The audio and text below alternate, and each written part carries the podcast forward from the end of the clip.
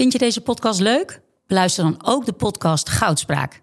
Ik ben Minkeboy. Als voormalig tophockeyster weet ik hoe Olympisch goud voelt. In de openhartige podcast Goudspraak praat ik met sporticonen die straks in Parijs voor het hoogste podium gaan. Over de weg naar goud.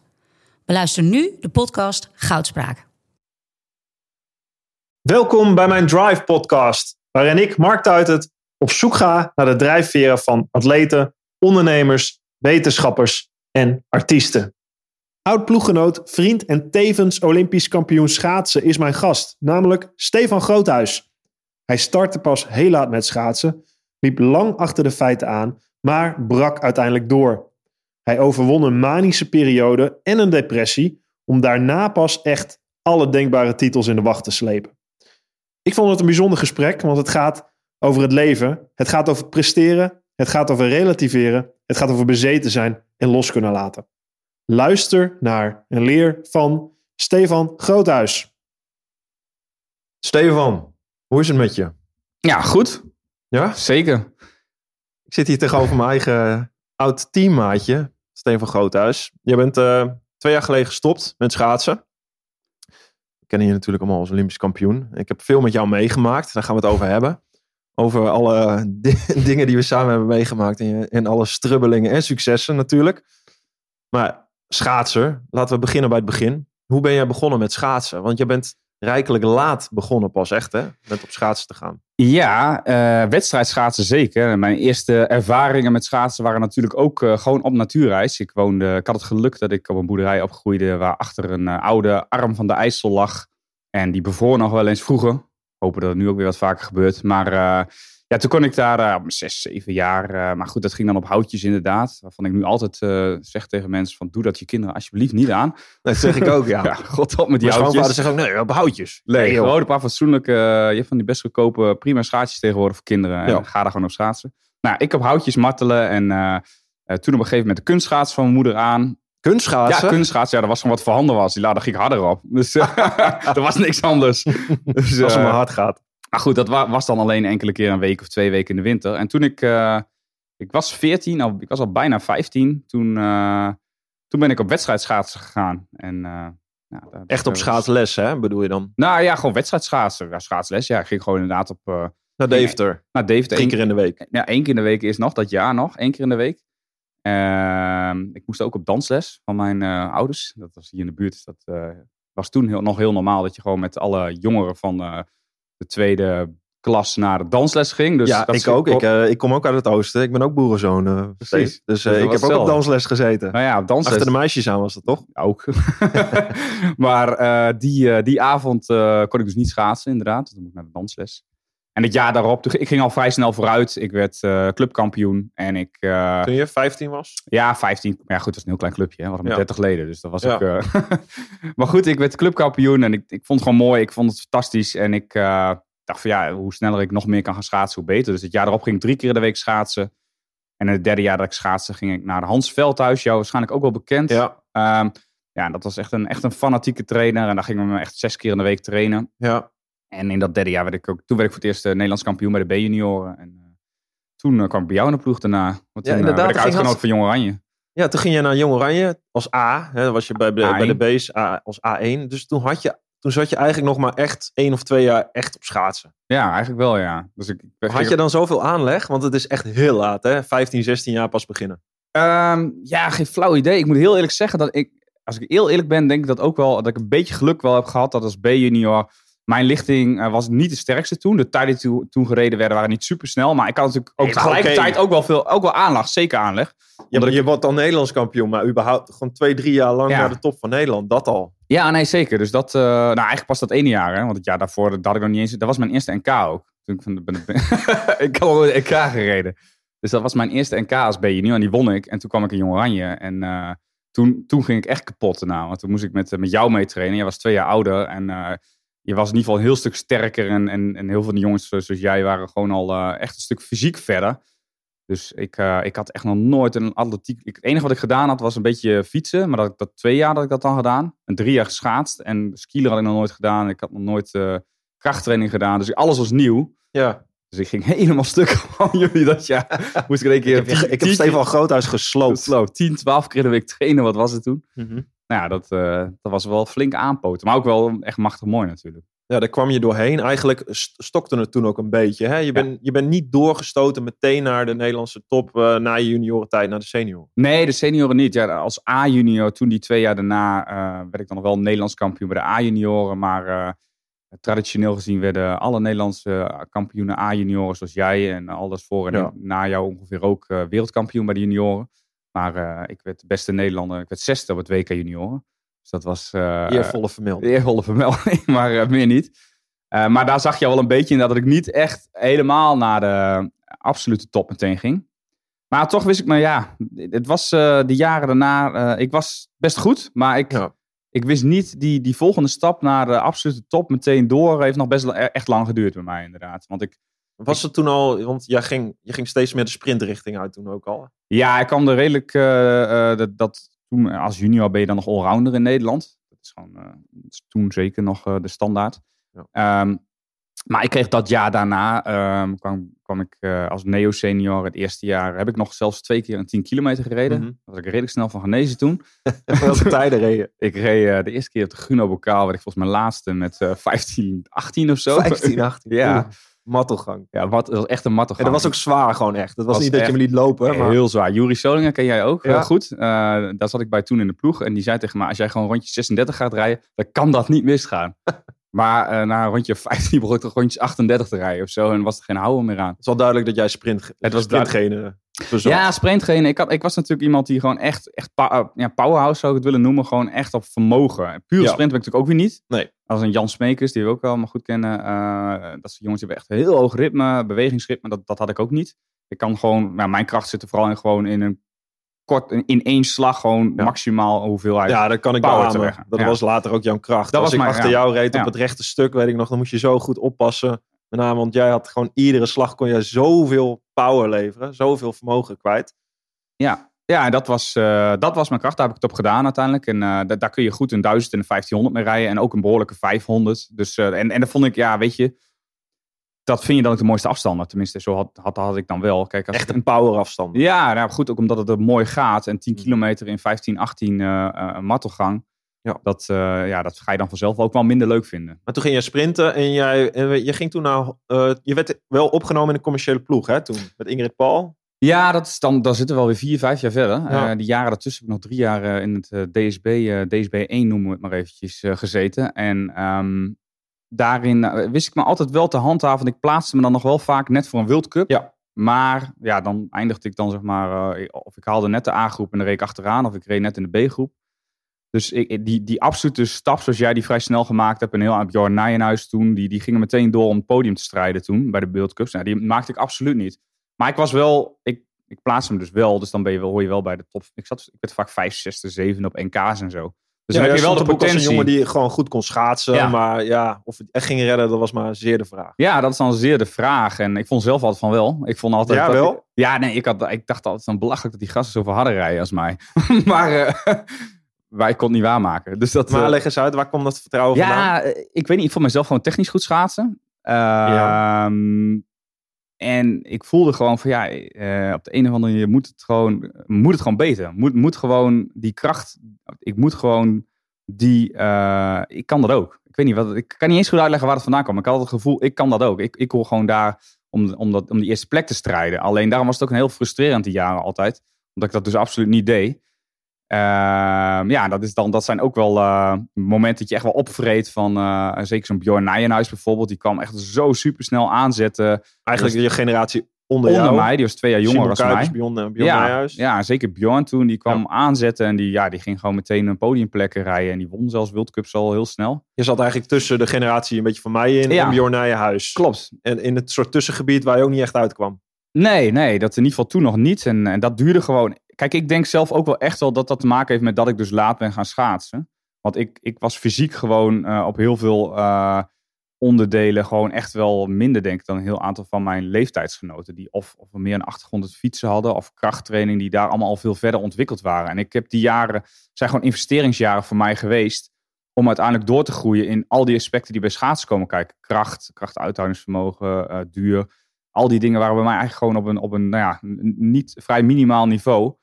En die jaren die ik geïnvesteerd heb, die hebben er uiteindelijk voor gezorgd dat ik toen na vier, vijf jaar verder echt wel een volgende stap kon maken. En toen inderdaad, wat je net zei, bij Ingrid Paul ehm, een volgende stap maakte en mij plaatste voor de Olympische Spelen van Turijn. En eh, Nederlands kampioen sprint werd. Ja. Ehm, Toen was je toen 24? was 24 inderdaad, ja. Dus eh, ja, dat is een eh, investeringsjaar geweest. Ja, ja, toen werd je Nederlands kampioen. Dat sprint. Ja. Dat, dat, meteen eerste vinkje. Dat was Ja. niet de laatste titel die, Nee. die je won. Nee. Eh, die spelen in Turijn. Wat gebeurde daar? Dat waren je eerste spelen. Ja, ik dacht... Duizend meter. Nou, duizend meter. Een klein verhaaltje vooraf. Ik, eh, eh, dat jaar werd ik ook tweede op, op een wereldbekerwedstrijd voor het eerst. In een, voor het eerst toen 1.76, wat toen nog best wel een aardig bijzondere sterke tijd was in die tijd.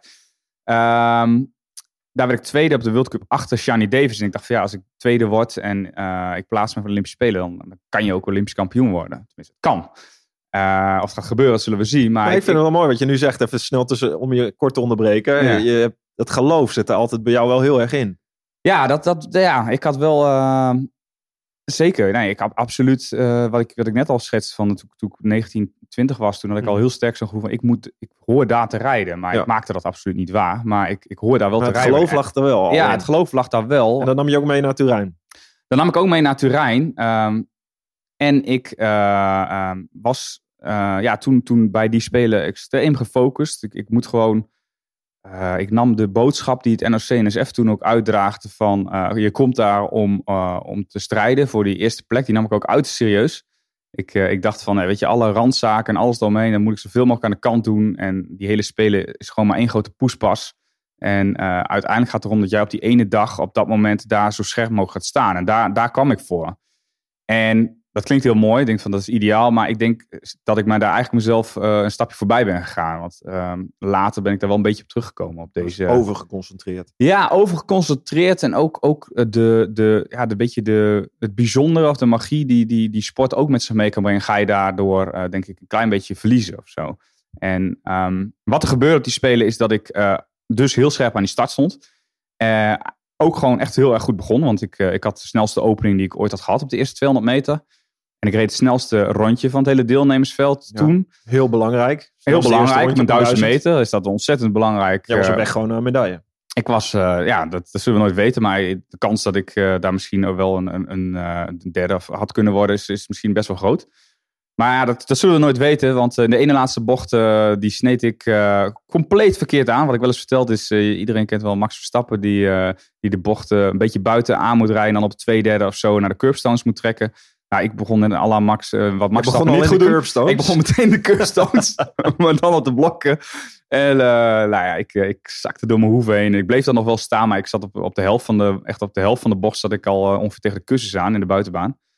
Ja, dan rij je zoveel meters extra plus, je verliest snelheid. En nou ja, er is maar één optie en dat is alle hands aan dek, wat wel een duizend meter altijd is. Dat is gewoon vol gas door, Ja. beuken. En, maar goed, dat mocht niet baten. Ik werd achtste. En ja, Daar heb je eh, helemaal niks aan. Nee, dan krijg je een diploma, maar ik heb Ja. geen flauw idee wat dingen is. Dat, eh, Met wat, dat is gevoel dan kwam, met ongeveer gewoon een... eh, met wat ge- voor gevoel kwam je thuis na dat seizoen? ja, dat was echt... eh, ik, ik kwam die race, ehm, ik heb echt letterlijk wekenlang, dat is echt waar, dat ik echt gewoon... werd- Ik werd echt, ik werd fysiek, ik werd echt kotsmisselijk. Ik moest bijna over mijn nek gaan als ik, als ik aan die race terugdacht elke keer. Dat ik echt Serieus? wekenlang, ja. Ik werd gewoon wekenlang echt, echt misselijk. Ik werd gewoon... Dus dan dacht dat terug, en dat doe je dan ook best vaak, zeg maar, in die periode. Dus ik werd gewoon echt hondsberoerd gewoon bij die gedachte of zo, ja. Ja, En Had je, is dit, was dat toen voor jou nieuw, dit gevoel? Of had je, heb je dat wel... Nou, je dat jeugd zo of- extreem eh, heb ik het eigenlijk ook. ehm, dat heb ik nooit meer gehad. Nee, zo extreem. Wel dat ik enorm frustratie heb gehad. Later ook wel Ja, over, over gaan we zeker tegenslagen. op komen. Maar deze race, op de een of andere manier was dat gewoon zo'n... eh, misschien de eerste... eh, Maar oneerlijk? Of hoe- Nee, helemaal niet. Want juist wat ik eh, misschien wel te veel heb gedaan soms. Juist ik, de enige die het verweet was mezelf. Mhm. Nou, oneerlijk zou zijn dat ik denk van... Nou, dit is iemand anders die het gedaan heeft. je werd eigenlijk kotsmisselijk van jezelf. bijna. Ja, nou ja, eigenlijk wel ja. Eigenlijk gewoon bij de gedachte van hoe krijg je de stomme godsnaam voor elkaar om op dat moment daar, terwijl je zo in die race zit, dat uit te spoken. Ja. Eh, en plus de gedachte van ja, weet je, een speler is, is maar eens in de vier jaar. Eh, die, die kans krijg je bijna nooit meer. Ja, dat, dat bij elkaar opgeteld zorgt voor dat gevoel. En ehm, Maar je had Maar- ook wel iets bewezen dat jaar. Ja, ja, tuurlijk. Het, dat gaf ook eh, elke keer wel weer het, de- deze ook absoluut het gevoel van. ik wil gewoon weer vol gas aan de bak. En dat is ook maar één optie, weet je. Je hebt het, je hebt het zelf gedaan, dus eh, het enige wat je kan doen is zorgen dat het de volgende keer niet gebeurt. Hoe heb je dat Dat gedaan? is niet helemaal gelukt trouwens. Nou, ja, het- nou, vertel. Hoe ging dat? Nou ja, nee, dat, dat, dat zo hard Je was op de goede weg. Dat ging wel goed, maar ik heb nog een keer, ben nog een keer op vrij cruciaal moment zo'n bocht uitgevlogen op een weken afstanden in, eh in Insel in 2011. Eh, toen deed ik eigenlijk precies hetzelfde nog een keer. Dus, eh, Ja, foutjes maak je. Dat kunnen we elkaar de, Ja, hand, ja, de hand zeker. schudden. Nee, maar in ieder je, geval- ging, je kwam terug. ja, Je was op een heel hoog niveau. Totdat je... Dat, dat heb ik toch goed... Toen, toen je, raakte je het seizoen daarna geblesseerd? Nee, er zat nog één jaar dat- tussen. een jaar tussen. ja, dat jaar daarna toen reed ik vrij goed, maar ik, eh, ik miste op één en de 700 toen de weken sprint en de weken afstanden. Ja. Dat is ook niet eh waar ik helemaal gelukkig van werd. Maar goed, ja, kun je ook niks anders aan doen. Dat je hebt het Mhm. zelf ook weer gedaan. Mhm. Ehm, dus toen ben ik, eh, uiteraard ga je gewoon verder op pad en ga je kijken of je nog keuzes kan maken die ervoor zorgen dat je nog beter wordt. En Mhm. ehm, ehm, nou, daar hard aan werken. En toen het jaar daarna ehm, eh, kwam ik een zware blessure tegen. Begin van het seizoen. Begin van het seizoen, twee dagen voor de start van het eh, NK afstanden, sneed ik eh, met mijn rechterschaats mijn linker Achillespees door. Ja, dat weet ik. Die, die was kapot. Af. Af. Nou ja, hij was, hij was half door, maar in de praktijk, Maar voor de je luisteraars, je, snijdt je... Je hebt een carbon schoen aan. ja, om je voet, om je enkel. Dat is gewoon knoepertje Ja. hard. Dat trapte jij doorheen, hè? nee, nee, nee. Of was die dan net daarboven? Net erboven, maar om het verhaal nog slechter te maken. Ik had wel als een van de weinigen toen al zo'n snijvaste sok aan. Die zat erboven. Je hebt de snijvaste sok. Dat is een soort hoesje om je enkel. Ehm, maar eh, precies boven het carbon van je schoen zit nog een leren lipje. En dat zit net onder die sok. En da- daar had ik precies dus door gemikt. Dus dat, eh, ja, dat, eh, dat was... Je had aan alles gedacht. Maar ja, nou ja, goed. Ja, ja, pech. ja, ja, dat is ook wel pech natuurlijk. De jaren daarna, dat is nog een van mijn verdiensten in het schaatsen, heb ik, eh, heb ik, ben ik die dingen vast gaan maken aan mijn eh, schoen. Heb ik laten, Ja. De schoenmaker heb ik ze vast laten maken. Nu zijn er meer mensen die dat hebben. Hmm. Dus een klein beetje eh, mijn idee. de, de, de snijvaste sok aan de schoen geworden. is iets veiliger geworden. Maar door, als je Achillespees doorsnijdt, dan is gewoon het seizoen klaar. Ja. Dat is essentieel. Ja, nee, ik, ik dacht toen nog, ik was nog zo naïef om te denken van misschien kan ik dan, eh, dat was echt, ik weet nog in die rit naar dat ziekenhuis en eh, dat wist ook nog precies wat er aan de hand was. Ehm, dat ik dacht van ja, misschien kan ik in januari wel weer het enkele sprint rijden of zo. En eh, toen, eh, toen opperde ik dat daar geloof ik al een keer tegen zo'n eh, arts staan. Die zei van nou, dat kun je wel redelijk uit je hoofd gaan zetten. Ja. Ehm, nee, ik heb dat jaar niet meer op schaatsen staan. Dus ik heb die hele winter niet meer op schaatsen gestaan. Je hebt wel op een rolstoel gezeten. Ja, ja, ik heb op mijn rolstoel gezeten. Daar, eh, daar ging ik. eh, ja, dat, is- dat ga, de, een van de eerste dagen ging ik eh, met die rolstoel eh, proberen eh, meteen naar mijn oudste rolstoel. Een kilometer of vijf, zes verderop of zo. Toen moest ik op drie kwart van de rit. kwam ik echt niet meer verder. Helemaal verzuurd in mijn bovenarm. dus toen, toen ben ik, opgepikt dit is ook echt stevig groot. toen ben ik met de auto opgepikt door dat ik. ja, dat het toch net even te ver was toen. Maar was dat, moest je jezelf iets bewijzen? Of dacht je, wat, Ja. wat was dat? Moest je frustratie kwijt? Ik denk dat ik gewoon wat moest doen of zo, inderdaad. Ja. En, en ook wel, eh, ja, je wilt weer wat hebben om aan te werken of zo. Dus Hm. dat dat. En ook kon je die knop goed omzetten? Ja, blessure, toen of- wel. Ja, een beetje te goed denk ik. Dat is wat- maar vaak mijn probleem geweest. Dat ik dat denk ik toen een beetje te goed ging. Ik had gewoon misschien ook eventjes stil. Later ook wel eens gedacht. Misschien dat ik iets meer stil moet staan. Eventjes van. eh, ja, dit is nu wat er gebeurd is in mijn leven. Ehm, ik kan eh, zeker hard aan het werk gaan om te herstellen. Maar eh, ga ook wat meer gewoon. Ja, dit is dan eh, dit is nou eenmaal de omstandigheden. Ga dan ook even genieten van de andere dingen die je met je leven kan doen. En een je soort, neer. tussenweg inleggen. Maar dit, dat was geen tussenweg voor mij. Dat was gewoon alleen maar meteen vol gas weer werken. En, dat, en, en, en zeker toen bijvoorbeeld, met zo'n zware blessure, dan denk je van ja, wat kun je doen? Nou ja, sportartsen, die ken je ook. En Ja. fysiotherapeuten zijn echt verrassend goed in, in heel veel oefeningen bedenken die, die echt uber nou, KUT zijn. Ja. En eh, die je dan ook heel veel kan doen. En ik weet, nog, ik weet wel zeker dat ik toen meer uren maakte, ging maken dan de mensen die World Cups rijden. Want die zijn aan het, eh, wat we zo mooi noemden, taperen. Die zijn aan, Ja. aan het uitrusten. Maar in ieder geval, die, die te- hebben minder trainingsarbeid op dat moment. Jij stort je helemaal in alle Ja, op al- oefeningen die er bestonden om maar sneller te Ja, dus herstellen. we gewoon fietsen bijvoorbeeld met een extra gipsbeen had ik dan om zo'n brace om, eh, waardoor ik dan nog wel kon fietsen. Ja, dan ging ik echt eindeloos fietsen en van die zitoefeningen doen. Ik kon dan wel in een zithouding zitten, dus Ja. dan ging ik eh, mega lang in, in hoeken zitten. Ja, Maar na dat seizoen veranderde er iets. toch? Ja, eh, nou ja, ik kreeg eh, aan het einde van die, van die winter kreeg ik een uitnodiging van, bij, van Jack Ori. En toen kwam ik weer bij jou in de ploeg. en ik kreeg een uitnodiging van Jack Ori. Ja, dat was natuurlijk voor mij op dat moment, die ploeg hield op te bestaan waar ik in zat. Ja. Voor mij was het ook weer een fantastische kans dat ik gewoon op dat moment als geblesseerde nou ja, schaatsen die wel een leuk wat had laten zien, maar absoluut nog geen wereldtop was geweest. Dit was twee jaar voor Vancouver, hè? Ja. Dat was 2008. Ja, klopt. Ja. Ja. En eh, ik kreeg eh, een uitnodiging van, eh van Jack. En ik stond daar echt wel een beetje verbaasd van te kijken. Ik had Jack Mhm. in het verleden al eens eerder benaderd. Van, nou, als je, kan ik niet bij jou in de ploeg? Maar dat, op dat moment was daar geen ruimte voor. Jack Ori toen hoofdcoach van Ja. de DSB. Ja. in het team waar ik in zat. Ja. Natuurlijk Simon Kuipers, Ja. En Jan toen- Smekens. Jan Smeek, ja, toen nog niet. Jan kwam een jaar later. Ja, Jan kwam een jaar later. Maar ehm, toen ben ik eh, ja, vol natuurlijk daarin gedoken. En eh, ik vond het eh, ja, fantastisch. Want dat, dat, dat, die, die methode, hoe Jack werkte en ook met jou en Simon. Het was gewoon een hele snelle trein die, die er al was daar. En dat, Ja. dat, dat werkte perfect voor mij. Dat was zo'n snelle trein waar ik eh, En je was meteen- weer fit. ik was weer fit. Ja, die zomer was natuurlijk nog wel even. Ik liet nog even een keer een groene container op mijn. ik weet niet of je dat nog kan herinneren. Maar de eerste dag dat ik zou gaan schaatsen in Tialf in die zomer. Toen had ik de dag ervoor eh, had ik mijn eh, heg gesnoeid thuis. en toen liet ik de groene container uit mijn hand glippen. En die, die, die hendel die viel precies op die Achillespees waar ik, eh, waar ik dus het ongeluk mee had gehad. Dus die was weer helemaal dik gezwollen. Dus de eerste dag dat ik weer gaan schaatsen in Tialf Oh. kon ik het ijs niet op. Maar goed, dat kwam vier, vijf dagen later alsnog goed. En, Ja, ik weet nog dat we het erover hadden dat jij erbij zou komen. Dat was ik echt heel, heel erg voor. Omdat jij gewoon, eh, nou, ik kende je natuurlijk al als, eh, als gewoon een goede gast om erbij te hebben in een team. Maar gewoon ook een fantastische schaatser. Je zegt technisch, begaafd, powerhouse. En ik dacht ook, als jij erbij komt, hè, met een Simon Kuipers, Ja. met z'n drieën. Nou, je weet hoe belangrijk het is om in een team Ja. te kunnen trainen. Als je, als, je zulke, als je zo met elkaar kan trainen, elkaar beter kan maken.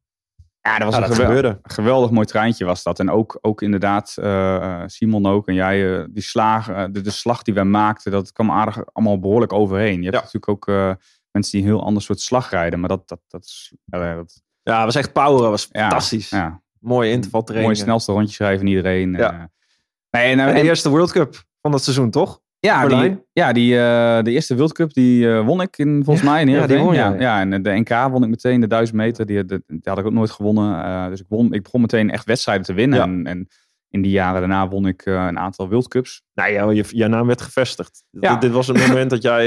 Ja, en ook 1500 bleek in één keer behoorlijk te kunnen rijden. Dat, dat, dat wisselde nogal eens bij mij. Maar ik had wel eens mijn dagen dat ik ook een behoorlijke 1500 kon rijden. De 500 bleek ik in één keer ook, ook behoorlijk te kunnen.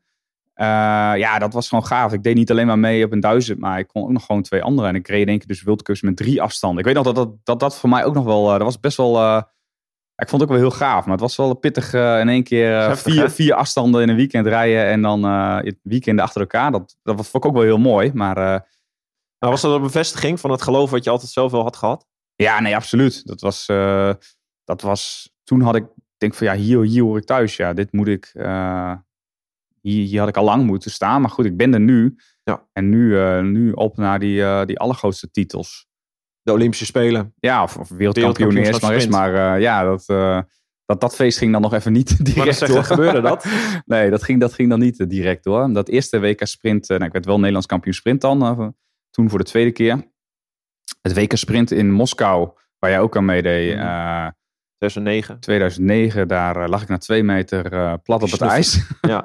daar, daar schopte ik mijn punt in het ijs en, eh, en viel ik. Dus dat was, eh, dat was ook wel zo'n bizarre WK. Dat ik gewoon nog weet van... nou, ik ging daar toch wel, nou, niet als favoriet misschien heen, maar wel een van, niet van outsider voor, voor die titel. En ik, ik viel daar en ik, ik stond zo snel als ik kon op. En ik ging weer verder. En ik, ik weet dat ik vo- vol aan de overkant aan het beuken was met dat rondje. En dat ik ondertussen door mijn hoofd had, lag ik nou net op het ijs. Ik lag serieus op het ijs net op een WK sprint. Gewoon echt een slechte film. Van waar Ja, ben ik? Ja, maar ik was bijna dat ik het niet meer zeker wist. Toen kwam ik over de finish, stond er 37,8 of zo. Nou, dat was best wel best een goede tijd met een met, Met val. val. Maar toen dacht ik, oh ja, ja, ik denk wel echt gevallen inderdaad. Ja. En wat dacht je, wat voelde je toen? Want je hebt best wel de eerste paar jaar met Jack. Het was fantastisch. Je wedstrijden gewoon Ja. je bewezen dat je wereldtopper was. Eh, iemand om rekening mee te houden. Dat, Mhm. dat, eh, dat, dat snapte ik al toen je met ons mee ging trainen. Dan dacht ik, deze jongen, die gaat meedoen op alle gebied. Ja. Dat deed je. Mhm. Maar je was zo goed dat je dan ook voor titels mag gaan, moet gaan. Ja. Maar dat gebeurde niet. Nee, nee, ja. De, ik Afgezien van Nederlandse titel. ja, ja, klopt. Ja, nee, ja, wereldbekers en, en NK's, die won ik inderdaad. Maar ehm, eh, Neem ons heel even mee naar bijvoorbeeld naar de Olympische Spelen 2010. Nou ja, Vancouver 2010, dat was eh, het jaar dat ik bij een of andere gozer op de kamer lag. Die, die denk ik zo nodig het wel moest gaan doen. ik liep een paar jaar voor op jou. Ik had ook al een paar jaar Ja, eh, zeker, geen reet zeker. van gebakken. Maar Maar- jij reed het Olympische kwalificatietoernooi fantastisch. Ja, ik reed, ik reed een heel goed Olympisch kwalificatietoernooi. Ik eh, won de 1000 meter daar met een hele, toen echt een hele snelle tijd. Eh, de 1500 eh, plaats ik maar ook. Ook een, echt een prima tijd in 45 hoog, geloof ik. Jij ging naar Vancouver toch en Ja. je dacht, dit is het. Dit is het, hier Dit gaat het gebeuren. kans. Alleen, ik, we gingen vooraf naar Calgary op trainingskamp. En ik weet nog dat we daar op vliegveld aankwamen. Dat was er nog, ging prima. Eh, kwamen er aan, Olympische reis, alle spullen bij elkaar. De hele Nederlandse crew met, weet ik veel, 100 man of zo. En eh, ik stapte het vliegtuig in en ik, ik zag iedereen in een t-shirt rondlopen. En ik dacht van, het is, doen die mensen even normaal, joh. Laat ze eens een trui aantrekken. Want ik had het koud ineens. En eh, ja, het zal wel. Ik had alleen maar koud. Verder nog niet veel aan. Maar in dat vliegtuig kreeg nog kouder. Ik een gegeven moment jas aan in dat vliegtuig. En iedereen zat er in een t-shirt nog steeds. Toen kreeg ik wel eens een vermoeden van, gaat iets niet helemaal goed hier volgens mij. En ik kwam aan daar en ik, ehm eh, G, onze sportarts destijds. G van Ernst, die zei van, eh, jij gaat eh, alleen met de taxi direct naar het hotel, want je, hebt waarschijnlijk wel wat onder de leden en dan steek je de hele ploeg zo meteen aan. Ja. Dus ik in de taxi terug en toen hebben we daar de temperatuur, toen had ik geloof ik al bijna 40 graden koorts. Dit is ook topsport. Hè? Als, je er, als je iets ziekje bent of iets hebt, hup, je wordt buitengesloten Ja, ja, dan... in quarantaine. nou ja, ik ben inderdaad, ik denk dat bijna een week in quarantaine geweest in die hotelkamer er daar. een week ziek geweest. Ik ben een week, had ik bijna 40 graden koorts. Of tegen de 40 graden koorts aan. Echt hoge koorts. En ehm, ja, dat, eh, dat, ik heb een week daar echt, echt op mijn kamer ongeveer Ja. eh, verbannen gezeten. Ik mocht af iets minder dan twee weken voor de Spelen. Nou ja, ja inderdaad. Toen, Jawel. toen het klaar was, het inderdaad twee weken voor Ja. mijn race of zo. Ja. Ja. En toen, toen besloten we, we zouden eigenlijk nog langer in Calgary blijven. Dat heb jij ook gedaan en Simon. Eh, maar omdat het voor mij op hoogte ook nog een keer voor je lichaam extra inspannend is. Jetlag, hoogte. jetlag en hoogte is, is nou, jetlag doe je dan niet zoveel meer aan, maar de, de hoogte is natuurlijk een extra inspanning voor je lichaam. Dus ik heb toen eh, met Jack overlegd en ik heb, ben toen samen met Jan Smeekers eerder naar, naar Vancouver gegaan, naar zeeniveau. En ik weet nog dat we echt eh, een week van tevoren eh, die wedstrijd, een trainingswedstrijd gingen rijden. En ehm, ik reed tegen een Japanner, ik zou niet meer weten wie. Die had ik echt een, al een paar jaar ver achter me gezien altijd. En die, die reed me helemaal van de baan af. En ik kreeg een Was Suzuki of uh, ja, Suzuki- ja? Toyota.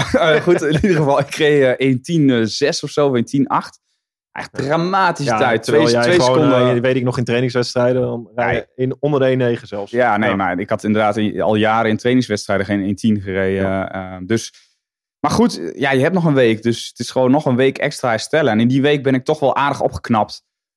Maar ja, ik, Filip die 1000 spelen. Ja, eigenlijk niet eens. Ik, ik maakte geen technische fout of iets. Er ging, er, er ging niet, niet iets heel erg mis. Maar ik had gewoon, gewoon ik was gewoon, ja, het was Ja. gewoon te vroeg. Ja. Ik had gewoon niet de power, eh, het herstel gehad nog om, om helemaal 100% te zijn. En dat, ja, dat en wil je goud winnen, moet je helemaal Dan moet je gewoon 100% zijn. topfit zijn en alles. eh, je hebt ook gewoon wekenlang niet normaal kunnen trainen. Dus nou ja, goed. Ja. Anyway, eh, ehm, jammer. Maar Nou, Zeg je, je nu je even makkelijk? Ja, ik werd vierde. Dus ik wou dat was- zeggen. en die Ch- Chet Hedrick kwam er even tussendoor. Zei Ja, dan. maar vierde, dat is een verschrikkelijke plek. ja, nee, dat is een rotplek. En die had ik dus inderdaad ook al Moest je weer kotsen na afloop? Nee, nee, ik had hier meer toen vrede. Daar had ik dus wel iets meer vrede mee dan bijvoorbeeld in Turijn.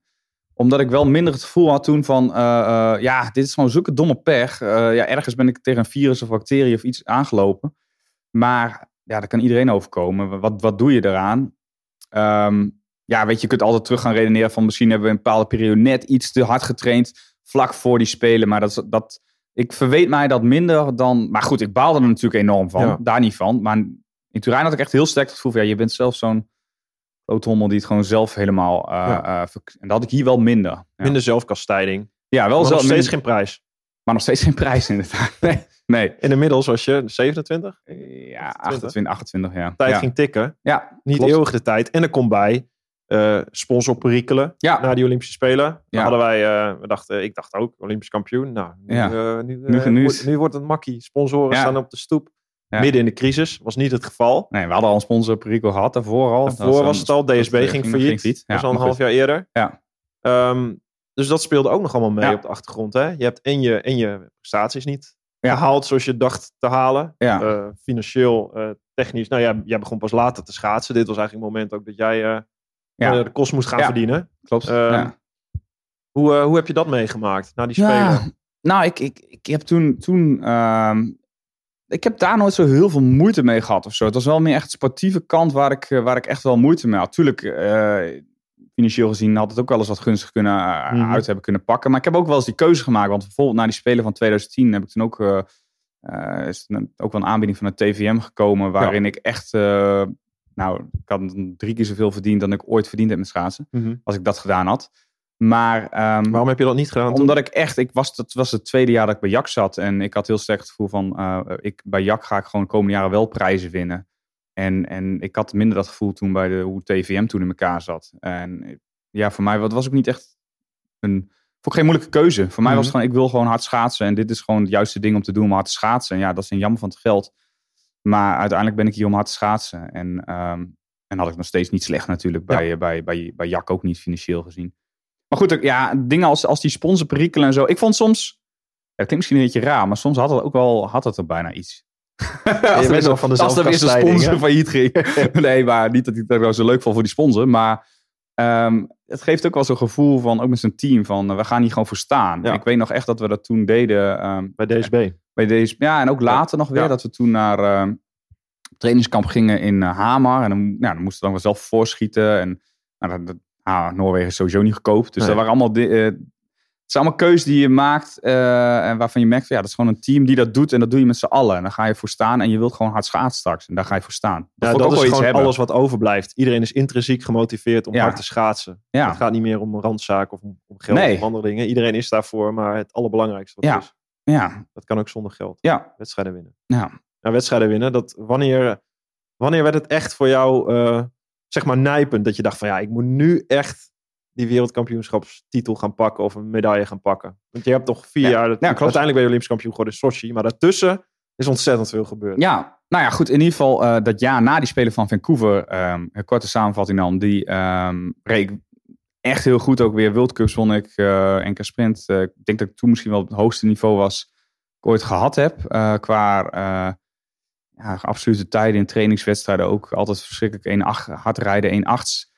Alleen op de WK's ging het weer helemaal mis. Twee keer sprint in Heerenveen werd ik vierde. Vloog een bocht uit, eh, Ja. werd gedisqualificeerd, werd weer teruggedraaid. Heb jij nog trouwens een rol in gehad? Oh ja, dat Nou, was toch... en, in positieve zin hoor, moet ik even zeggen. Hier, want eh, Mark, eh, ik werd gedisqualificeerd, want het bleek onterecht te zijn achteraf. Dat was om de fameuze Dr. Bibber-regel. Ja, klopt. Ja. Ik ging over de lijn heen, maar dat, dat Je mocht niet over de lijn. nee. En dat was toen voor het eerst. Ja. En, alleen het ging er dan over of je schoen of je hele schaats over de lijn ging of zoiets. In ieder geval, ik stond bij de NOS en, om een interview te geven. En toen werd er omgeroepen, Groothuis gedisqualificeerd. En toen dacht ik, ah, toen- stortte mijn wereld ook wel eventjes in. Ja. Ehm, toen weet ik nog dat jij en Sjoerd de Vries eh, naar die scheidsrechter zijn gegaan op hoge poten. Van, eh, dit slaat nergens op, dat kan niet. Ja, En, wij eh, zijn, ik, ja, ik heb, volgens mij heb ik jouw schoen gevraagd. Jouw ja, schaats. oh, ja, dat klopt. Die Ja. heb ik meegenomen. Ik ben naar de scheidsrechter gegaan, naar boven. Omdat, om de beelden te zien. Je moet met je hele schoen Ja. over de lijn zijn geweest. Maar ja, die sok aan je schoen genaaid, wat je net vroeg. Ja, ja. Dus ja, je hele, jouw hele schoen is een stukje hoger. Oh, serieus? Dat dus ik dacht, als ik jouw schoen meeneem met de sok erop. En je kan laten zien op de beelden dat jouw hele schoen er overheen moet geweest. Maar die sok is er niet overheen geweest. Dan mag je technisch gezien niet gedisqualificeerd worden. Ja, maar, Dus- dit, maar dit zijn toch mooie dingen. Ik vind Ja. dat echt mooi dat ook, weet je, die kameraadschap die je in zijn team hebt, ook met jullie, eh, jou en Sjoerd en Ja. Al die jongens, dat je gewoon ook wel echt, je bent concurrenten, maar ook op dat soort momenten ga je ook voor je teamgenoten. En dat Ja. vond ik echt prachtig. Ja, en wij zagen jou ook. Ik dacht, ah nee, dat gaat, oh, dit gaat er niet. Ben je vierde of word je gedecuut oh, in Heerenveen. Dat is, Ja, je had al zoveel van die verhalen die je kan vertellen. ja en ik weet nog dat ik toen, eh, ik heb dat niet gauw, want ik ben altijd inderdaad van tanden op elkaar zetten Ja. en, en doorbijten. Maar ik weet, ja, voor mij, eh, in mijn beleving was het toen klaar, want ik wist niet dat het terug, überhaupt een optie was dat teruggedraaid ging worden. Maar ik, ehm, eh, ik weet nog dat ik dan, dat ik toen echt naar de wc ging en dat ik, ik ben niet iemand die zijn emoties heel makkelijk zo voor een camera eh, eh, uit. Op een of andere manier, dan bijt ik dus op mijn tanden en dan... het stort ik echt helemaal in elkaar, weet ik nog. Dat ik gewoon echt, ik, ik begon echt te janken gewoon. Ik kon niet meer stoppen met janken gewoon. En toen kwam de, de fysiotherapeut Willem uh, Kruithof achter ons aan, achter mij aan. En die, nou, die ving mij op. En, en ik weet niet, kwam, dat was ook wel weer heel bijzonder. Er kwam een soort moment van bezinning toen. En ik zag Willem, weet je wat, fuck dat schaatsen ook gewoon. Ik weet je, ik ga jou de eerste vertellen. Dat ik verder aan niemand verteld. Maar ik zeg, ik word vader gewoon. Ik word in augustus, ik word in augustus eh, worden, worden we ouder gewoon. Dan weet ik nog dat zo'n, eh, dat was echt zo'n bijzonder ook wel eh, setting of zo. Dat, je, dat, dat relativeerde ook, het ook wel weer eventjes helemaal. Maar toen werd ik in één keer toch weer... nee, ik dacht, ik ben klaar, ik kan mijn spullen inpakken. En, eh, en toen kwam eh, echt 20 minuten of zo voor die wedstrijd kwam, eh, kwam dus... Ik weet niet wie naar me toe van... Yo, je moet toch nog rijden. Je kan nog rijden. Nou goed. Eh, nou ja, toen eh, uiteraard naar die ijsbaan. En eh, toen werd ik vierde. Ja, vierde. Net als op de Spelen. Ja, en toen kwam, het, Vierde. ja. vierde. en toen kwam het weken afstanden van Insel Ja. in eh, maart. Ehm, ja, en daar ehm, deed ik hetzelfde als een terrein eigenlijk. Ja. Daar, eh daar, daar breek eh, ik, ik, ik vond, daar vond ik meer dan ooit. Ik nu, nu, wat je net Moet zei, het. van moet het gebeuren. Ik ben, Mhm. ik had de wereldbeker gewonnen Ja. over het hele seizoen eh, op de 1000 meter. Ehm, ik wist dat niemand zo goed was op de mij op dat moment. Absoluut niet. Ja. Ehm, en als ik daar gewoon niet de bocht uit was gevlogen, dan was ik gewoon wereldkampioen geworden. Ja. Maar ja, deed het wel. Ik vloog de bocht uit en ik werd derde Ja. in plaats van vierde. Ja. Maar dat was echt, eh, ik weet niet, toen, toen was ook, dat was het eind van het seizoen. En het was al zoveel jaar achter elkaar dat ik dan vierde werd elke keer. En nou, nu derde een keer. En, en het nadeel daarvan is, als je zo'n WK sprint hebt, dat was toen nog midden in het seizoen, dan heb je Mhm. nog twee maanden om de boel te herstellen. Maar dit was ook gewoon echt de aller, allerlaatste wedstrijd van het seizoen. Dus er was niks meer te bewijzen. Er was niks meer om, om te herstellen. Dus ja, je gaat gewoon een soort, soort blinde zomer in, waarin, waar je gewoon weer weet dat je gewoon de hele zomer vol aan de bak kan voor ja, een volgend seizoen. En Hoe Ja. zat je toen thuis in april? ja, toen zat ik thuis in eerste instantie, eh, ja, gewoon, eh, je hebt dan rust. Ja, vakantie geweest, geloof ik. En dan, ja, vakantie geweest. En dan, ja, ik, ik zat niet echt, echt niet lekker in mijn vel.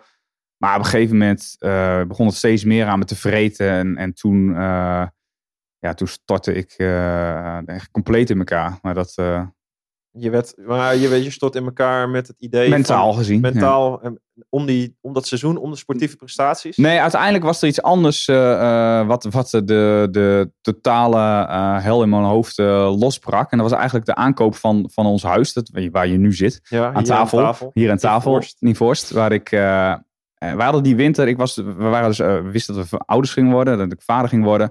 We hadden niet een, ja, woonden nog in een huurhuis wat, wat vrij klein was. En waar we wilden gewoon voor het eerste keer een huis kopen. En dat hebben we toen in die winter tussen de bedrijven door ook nog even gewoon vrij overhaast gedaan. Dat was ook niet echt de meest gunstige woningmarktperiode toen. Nee, Dus- weet ik nog. Jij was bezig met die crisis. Jij was bezig met wat je... Ik was altijd bezig met van, Ja. we moeten gewoon wachten met die huis kopen. Ja. Want die huisprijzen die zakken als een gek nog in elkaar. Alleen, ik had een soort, soort manie, denk ik bijna eh, toen Mhm. van, van fuck it, eh, we worden ouder. eh, het zal allemaal wel met die, met die huizenmarkt, zeebel. En eh, ik, wij gaan nu Ik ga nu voor mijn gezin ik ga nu voor mijn zorgen. gezin zorgen en we gaan nu snel een huis kopen. En dat hebben we toen veel te snel gedaan ook, zonder eh, hulp of zo en op afstand. eh, ehm, eh, zelfs in Colombia we volgens mij toen dat huis im- gekocht. im- impuls aankomen. ja, een soort impuls aankomen, dat van een huis. nou ja, goed idee hoor. Niet van een reep chocola Ja, of een pakje nee. kauwgom, maar Van een huis. van huis. Nou goed, in ieder geval. maar eh, begrijpelijk toch ook. ja, nee, ik denk de motivatie erom voor, voor, voor het gezin en Ja. zo is natuurlijk nog steeds een hele goede mo- ja. Alleen dat, eh, dat, dat, dat zorgde ervoor dat ik dus echt nou, een maand of zo na dat eh, seizoen die hele som van al die, al die, die momenten die ik net niet had gehaald. En dat zorgt voor mij zo'n enorm gevoel van, ja, je bent eigenlijk ook echt een complete mislukkeling. Je wint nooit eens een keer echt een prijs. Eh, nou ja, ook wel een beetje wat je net zei van, ja, financieel had ik ook echt nog nergens echt heel goed. Ik had wel prima verdiend, maar niet. Ik zeg van, als ik straks stop, dan, eh, nou ja, dan, dan is het appeltje eitje of zo. Eh, Ja. Zeker niet. Eh, dan, en een combinatie van, ik heb ook geen, geen verdere Opleiding. opleiding gedaan. Of wat ga je straks met je leven doen? En dat was een soort totaal culmi- culmineerde in, in, in een totaal gevoel van ja, zelf, zelf, ja, de zelfrespect was gewoon helemaal weg eigenlijk. En, en daarin sloeg dat verhaal van dat huis helemaal vast. Van, nou, dan heb je ook nog eens een keer dat huis veel te duur gekocht. En, en de, de een op het andere moment gingen mijn hersens compleet met mezelf in haal. En ik kon echt letterlijk nergens anders meer over nadenken dan over die aankoop van het huis. En ik wilde dat stopzetten. En dat bleek allemaal niet mogelijk eh, vanwege... eh, nou ik dat- weet nog dat jij, jij wilde geld betalen om van het huis af te zijn. Ja, ik heb serieus zeg maar, rationeel. Ja, Ja, ik- terwijl jij, je bent een slimme vent, je bent super rationeel, kun je over dingen nadenken. Maar Ja, ik heb echt een je hebt serieus... al te veel betaald, En dat, heb- dat doet je pijn. Maar je wil ook nog meer betalen om van dat gevoel af te zijn. Ja, ik heb er serieus veel geld gebouwd toen ik hier gewoon van het huis af te komen. Ja, Ik weet het, je vertelde me toen. Ja. Ja. Steve. ja, maar, ik, Maar dat wa- zegt iets over hoeveel je... ja, ik was gewoon helemaal mentaal kapot gewoon. Ja. Ik was gewoon echt... eh, Eh, helemaal de kluts kwijt, eh, wat, je, wat je zou kunnen zeggen. En ik, ik sliep echt letterlijk toen. En van het een op het andere moment begon ik. Het was, het was ook echt van het een op het andere moment helemaal foute boel gewoon. Het was daarvoor een gevoel van. Gaat het niet lekker? En ik, eh, gewoon een slecht gevoel. Maar van het een op het andere moment was het ook gewoon helemaal foute boel. En dacht ik nog maar echt letterlijk 22 uur per dag over dat huizenprobleem, zoals ik maar even noem, na. En Hoe liep je door huis dan? Hoe liep je? Wat, Ja, gewoon de vrouw, hele. Ja, de, de, dat. dat eh, eh, ik zat de hele tijd tegen iedereen in mijn directe omgeving. Dus mensen die echt dicht bij me stonden, zoals mijn vrouw en mijn ouders. Stond ik alleen maar te verkondigen dat we echt van het huis af moeten. Dat het echt het slechtste idee ooit was. En Ja. dat, dat ratelde maar door aan één stuk door.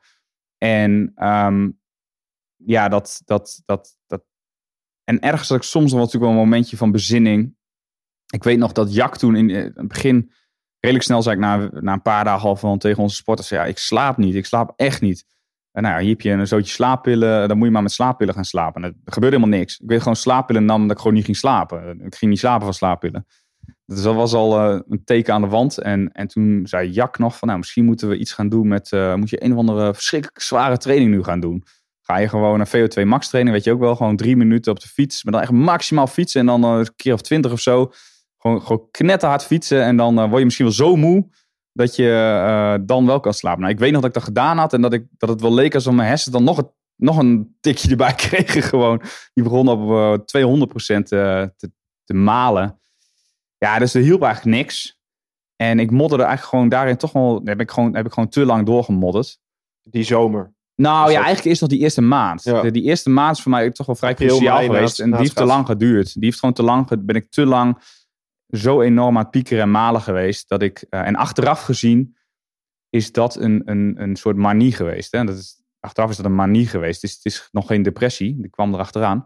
Maar eh, ik, ik was zo druk in mijn hoofd. Maar een manie, ik dacht vroeger altijd manie, daar ben je heel positief in opgewekt. Dat kan ook. Maar ik was gewoon een soort negatieve manie waarin je hersens gewoon helemaal op hol slaan. Het is gewoon een soort kortsluiting. Ja, het is wel een kortsluiting in je hoofd. En Ja. Ja, toen, eh, toen, eh, toen uiteindelijk na een maand, eh, toen ben ik een keer van het trainingskamp weggelopen. een van de eerste trainingskampen. En toen ben ik van de skielentraining, weet ik nog, ik weet niet meer wat we gingen doen, maar op de skielenbaan volgens mij liep ik daar gewoon weg. Het gaat gewoon niet. En toen heeft G van Ens, onze sportarts, nou ja, contact opgenomen met, een- een psychiater. En op advies van hem heb ik toen Valium en beta-blokkers gekregen. En daar werd ik in ieder geval rustiger van. En daarvan kon ik in ieder geval weer eh, een beetje gaan, sla- nou, ging ik in ieder geval een beetje meer slapen. En Trainde je ook gewoon nog toen? ja, toen niet veel, nee. Dat was, eh, maar la- ja, later die zomer heb ik toch nog wel redelijk getraind. Maar wel, wel veel minder dan, dan, eh, dan normaal. Thuis was het vaak een puinhoop met trainen. Op trainingskamp wist ik dat nog wel een beetje te camoufleren. Maar thuis was dat vaak ja, echt een drama.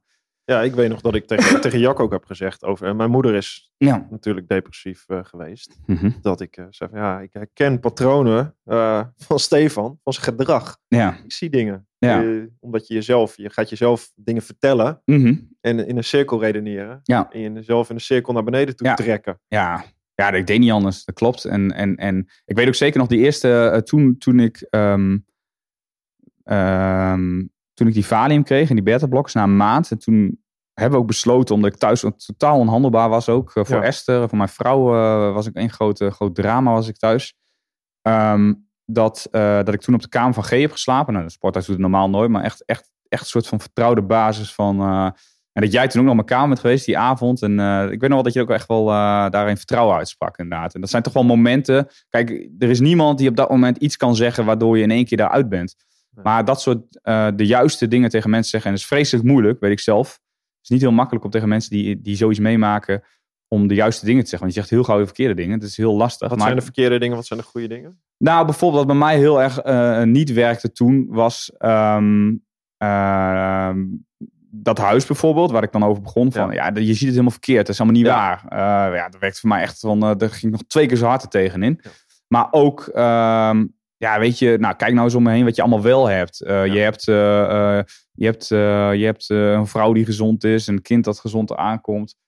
Ja, echt van die dingen van wees eens dankbaar. Zo, eigenlijk Ja. op een andere manier van wees eens dankbaar met wat je hebt. En dat, dat werkte op dat een of andere manier werkte dat heel. Ja, grappig normaal gesproken zou dat, is dat logisch om tegen mensen te zeggen. Alleen is een hele dunne scheidslijn en heel moeilijk om, om de juiste dingen tegen iemand te zeggen. Ja. Ja, ik snap je wel. Ik had het met mijn moeder bijvoorbeeld. Ik had toen, toen, Mhm. toen mijn moeder heel slecht ging, was eigenlijk toen Anna, toen eh, onze eerste Mhm. dochter geboren werd. Ja. Omdat je dan bijna, ik zei het ook tegen mijn moeder wel eens van, ja, weet je, kijk eens. Je begrijpt het bijna niet. Kijk Ja, eens, je hebt nee. een kleindochter. Ja. En als ze daar was met haar, dan was Was het ook echt mooi. helemaal Ja. opleven. Maar daarna was het meer alsof ze, of, of ze niet bij haar eigen gevoel kon. Nee. En ze is ook hartstikke slim. Mhm. Was dat heb jij ook. Van, dat je weet dat je niet bij je eigen gevoel komt. Dus dat het gat eigenlijk alleen maar groter wordt. Dat Ja. je, daar is je gevoel. Je weet dat je niet kan voelen. Dus de pijn wordt alleen maar groter bijna. Ja, ja nee, dit is. eh, ja, dat is zeker ook. Ja, je hebt het dan ook helaas eh, een hele nare manier van dichtbij ook weer meegemaakt. Het is, het is gewoon niet makkelijk. En het is ook niet zomaar mensen te verwijten als ze eh, daar niet goed mee om kunnen gaan. Maar ik, ik denk wel in het algemeen over dit dat, dat daar wel voor eh, naasten van mensen die dit meemaken ook wel meer advies zou mogen zijn. Zeg maar, Wat vanuit- zou dat advies zijn? nou, in ieder geval gewoon überhaupt de omgangsvormen. Hoe ga je, hoe ga je eh, ik denk heel vaak moet je gewoon het verhaal van dat ze mensen aanhoren en er voor, en, en er voor ze zijn. Het vertrouwen, uit, uit, vertrouwen voor ze uitspreken, maar niet met heel veel adviezen komen. En dat is vaak het, het, het, het- wat heel vaak gebeurt. Mensen denken van ja, ik, ik geef al rationele argumenten Ja. inderdaad om iemand te helpen. Maar wat je, precies wat je net zegt, die komen helemaal anders binnen bij, bij mensen die daar Ja. middenin zitten. En dat is, eh, daar zouden we wel, denk ik, Ja, je ratio kun je, die, die staat al op slot. Daar kun je Ja. helemaal niet meer in. Nee, en, en ik had bijvoorbeeld toen ook. Ik had al geen idee wat mij overkwam. Ik, ik zag mijzelf niet als een, als een psychiatrisch patiënt of zo, wat ik in feite wel was toen. Maar ik, ik zag mijzelf helemaal niet zo. Ik had geen flauw idee wat gebeurt, er gebeurt er eigenlijk allemaal. Het interesseerde me eigenlijk ook niet heel erg. Ik denk, mijn, mijn problemen moeten opgelost worden. Maar ook eh, mijn familie had geen flauw idee wat er allemaal gebeurde. Die, die wisten ook niet eh, wat, wat ze daar eigenlijk mee aan moesten. Ja. En die doen dat ook allemaal gewoon puur op intuïtie. En Niet Sommige- zo zeiken, Stefan. Godverdomme, Ja, nou je ja, krijgt naar dat- ja, huis. is absurd. Eh, je wordt vader. Ja. ja, je hebt de mensen die dat doen. En, eh, en dat snap ik ook wel. Dat snap ik nu ook wel dat ze dat doen. Maar ja, dat is toch, toch belangrijk. want het kan wel het verschil een beetje maken of je... Niet helemaal, maar het kan wel helpen inderdaad om mensen verder te helpen. Want hoe ben je die zomer doorgekomen? Ja, die zomer, eh, in eerste instantie toen ik die valium betterblokken zat gehad, werd ik veel rustiger. Maar stort ik daardoor min of meer in een depressie. En, en zag ik gewoon echt het hele leven helemaal niet meer zitten. Vond mezelf, ik had ook de energie niet meer van die eerste maand, waarin ik totaal eh, op hol sloeg. En langzamerhand probeerde ik gewoon, ehm, ja, echt een enorme lange zoektocht om, om, om mezelf op te lossen, noem ik het altijd maar. En ik denk wel dat het toch wel heel eh, goed is geweest dat ik die, die, die doorgemaakt heb die zomer. Maar ja, is ook gewoon echt wel heel kantje boord geweest eh, eh, die Wanneer zomer. was het het meest nijpend? Ja, ja, toch echt wel echt een heel stuk later pas. eh, ju- juli, augustus denk ik. Pas veel later, toen het misschien ogenschijnlijk bij mij af en toe wel een stuk beter al Ja. leek te gaan. Je was mee op Maar- trainingskamp. Ja, ik was mee op trainingskamp, maar juist, ik, ik, ik, ik ben wel, kan wel impulsief zijn in bepaalde dingen. Dus, eh, nou, ja, ik zal me gewoon niet zeggen. Ik, ik heb echt, ik heb gewoon echt meerdere keren zelfmoordgedachten gehad. En ik ben dan iemand die, ehm, je hebt, je hebt verschillende me- mensen, die, op verschillende mensen die mee om, met manieren mee omgaan. Je hebt mensen die dat dan helemaal gaan plannen of zo, die een heel plan hebben. Maar Mhm. ik had het wel echt in een soort impuls echt kunnen doen. Gewoon, ik heb echt gewoon een paar keer meer gewoon vol gas op de, met de auto gegeven. Ik dacht, ik stuur gewoon tegen een boom aan. Dan is het snel genoeg gebeurd. Dat was kantje boord dat je dat niet Ja. gedaan hebt. Ja, dat het echt gewoon echt heel dichtbij was. En ook gewoon dat heel sterk dat gevoel was van... Ik, die eerste paar maand, eh, want het kwam pas later. Dan op een gegeven moment denk ik ook wel toch wel doordat je dat uitzichtloze van die depressie gewoon helemaal zat wordt of zo. Van, van dit komt nooit meer goed. Dat, dat, terwijl je eigenlijk wel herstelt, maar dat heb je zelf niet zo door van als je daar middenin zit. Je herstelt wel, maar het duurt vreselijk lang voor je gevoel. Want ik was natuurlijk al drie, vier maanden zat ik daarin. En eh, het voelt gewoon van dit komt nooit meer goed. Dit, komt, dit stopt eigenlijk gewoon nooit meer. En, en ehm, Als ik zo moet verder leven, dan, eh, dan laat het maar. ja, Dat gevoel. ja, nou ja, ja, meer van het is, ja, zo, je, denkt dat niet eens. Het is gewoon zo'n slecht waarde. Je hebt gewoon zo'n zo'n lage eigenwaarde dat je, dat je dan eh denkt, kan ik maar beter gewoon niet meer zijn. Of dan, dan is het gewoon klaar. Ik stop er Nou, mee. echt het idee van ik kan, ik kan er maar beter niet zijn. Ja, ja, ja, dat is natuurlijk wat vaak mensen denken bij dat soort, eh, eh, helaas, die, die daarin zitten. En dat is, ja, weet je, helaas ook Ja, ja, alles ja. van. Ja, dat was, vind ik ook met mijn moeder ook. Voor de luisteraars die niet Mhm. weten, mijn moeder heeft zelfmoord gepleegd.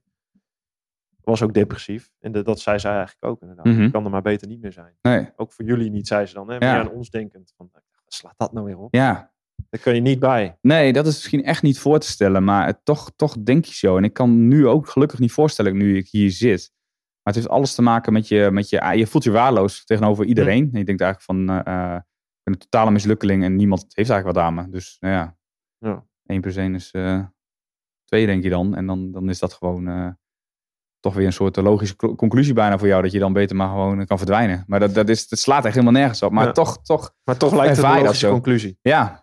Ja, logisch. Weet je, op dat moment doe je alles. Dat doe je Ben ook je, toen, ben je toen ook gaan parachute springen? Toen nog Ja. altijd... Ja, Toch? Vertel ja. dat nog. Je, je ging uit Heerenveen, Ja, je ik- langs Teugen. Nee, ik was. eh, ja, in het begin ging ik naar een, een therapeut. En dat was een methode die niet echt goed bij mij werkte. Voor mij werkte. Ik, ik had heel erg sterk de behoefte over mijn problemen. En over eh, hoe ik over het leven nadacht te Ja. praten. En dat was een manier waarop je alleen maar moest voelen. Ja. Nou, daar kan je ook wel wat hebben in andere fases, denk ik, van zo'n herstel. Maar mij paste dat op dat moment niet. Dus ik had het gevoel, nou, dit helpt ook niet. En Mhm. ik was dus naar, naar zo'n praktijk geweest. En ik reed naar huis. En ik dacht. Had ook wel van die opleving natuurlijk af en toe tussendoor. Toen dacht ik, ik moet, ik moet gewoon misschien iets doen wat echt bij me past. Waar ik gewoon een kick van krijg. Gewoon, ik ben iemand die wel echt houdt van adrenaline en snelle dingen en kicks. Dus eh, weet je, misschien moet ik gewoon eens een keer gaan parachute springen of zo. Dus toen ben ik onderweg, reed over de A1. Dacht ik, bel gewoon op naar het vliegveld Teugen. Daar woon ik vlakbij. Ik zei, kan ik, niet, eh, kan ik vandaag nog parachute springen? Ja hoor, over twee uur eh, kunt u parachute springen. Dus ik ben zo hoppatee naar Teugen gereden.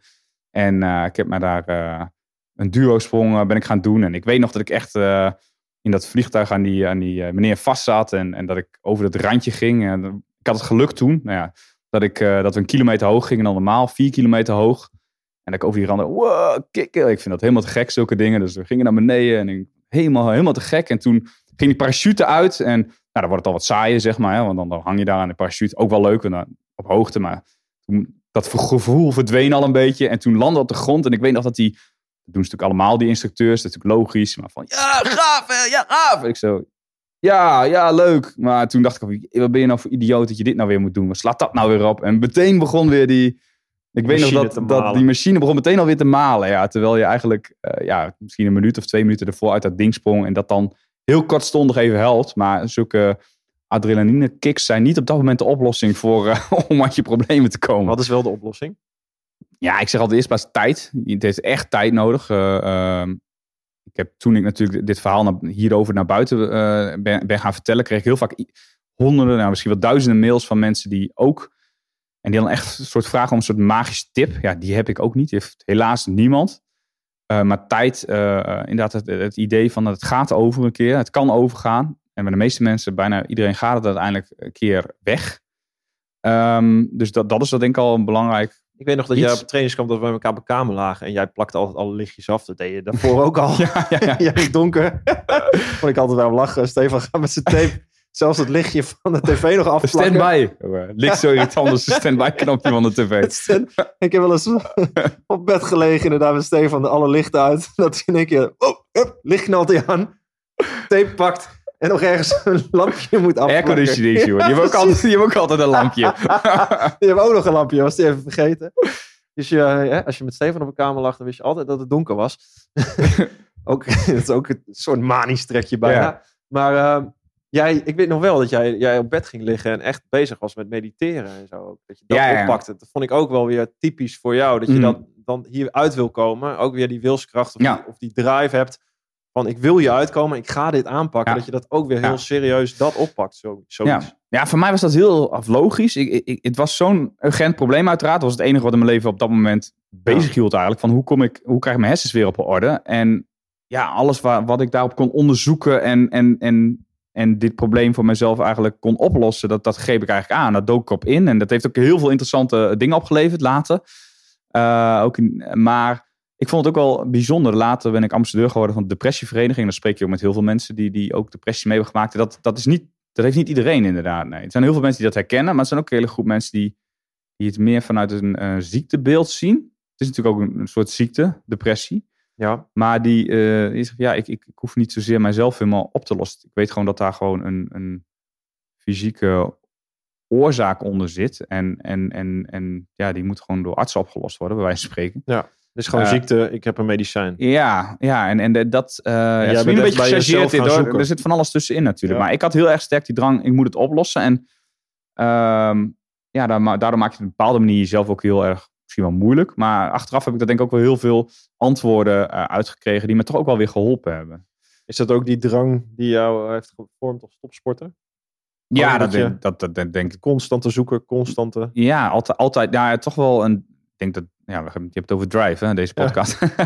Ja, toch wel inderdaad. niet een soort, ja, het- ja, soort, soort bewijsdrang inderdaad. Altijd wel van, ik, als ik iets doe, dan moet ik het wel goed doen. Maar zelfs mezelf oplossen bij een depressie, zeg maar, moet ik dan, dan zo hard mogelijk doen of zo, inderdaad. En dat was ook wel. eh, bijna geen middenweg bij jou. nee, nee, dat is soms wel eens lastig. Ja, maar topsport, nu, nu, voor topsport kan het heel nuttig zijn. nu gaat het misschien wel aan. Ik denk dat ik nu wel redelijk een middenweg in de dingen in, Hm. in mijn leven heb gevonden. Maar je bent ook geen ik sla, ik, topsporter sla nog, ik sla nog wel eens door. Maar over het algemeen gaat dat vrij aardig, denk ik. Maar jij, ben- jij hebt, jij hebt, heb je die hele zomer in de voorbereiding naar dat volgende winterseizoen, want daar gaan we nu op komen Mhm. en dat vind ik ook fascinerend. Heb je ooit überhaupt aan prestaties van schaatsen gedacht? Nee, ik dacht je echt, het echt ene begon? grote rotzooi geweest. Dat hele schaatsen, dat is echt zo. Die hele zomer, het interesseerde me echt geen ene bal gewoon. Nee, nee maar jij niet. stond gewoon aan de Maar het start. was, het, het- er was ook echt totaal geen ruimte voor in mijn leven om, Nee. dat, om dat te vinden. Ik. Er was echt totaal... Ik, en dat is het, wat het wel gedaan heeft, die depressie. Het was wel... ehm, je gaat echt op zoek naar wat, wat ben je in, alle, in je allerdiepste als mens, zeg maar. En dan, is het dan het blijkt topsport of sporten of, of welke ambitie in je leven denk ik maar aangaat. Gewoon maar eh, een onderdeel van je hele mens zijn of zo. En Ja. niet... En niet Ja, als je als topsporter, maar ook voor werk of als je Ja, ambitie hebt of gedreven bent, dan is het gevaar natuurlijk dat je helemaal één wordt met Met- dat doel wat je wil Ja, halen. dat was ik natuurlijk echt, echt compleet eh, geworden. Ja. Ik was compleet Dat ben één je. geworden. Je bent gewoon, en dat, dat is een bekend fenomeen in, topsport, daar hebben er meer topsporters last van, maar dat je echt je identiteit compleet alleen maar ontleent aan, aan je succes in, in je sport. En dat, ja, je kent de, de, de, de theorie, want uit sportpsychologie, dat je, ja, je moet, moet willen het proces leren, proces richten en minder de prestatie. Maar ja, ik vind het altijd een heel fascinerend onderwerp, want ik geloof daar nog steeds in.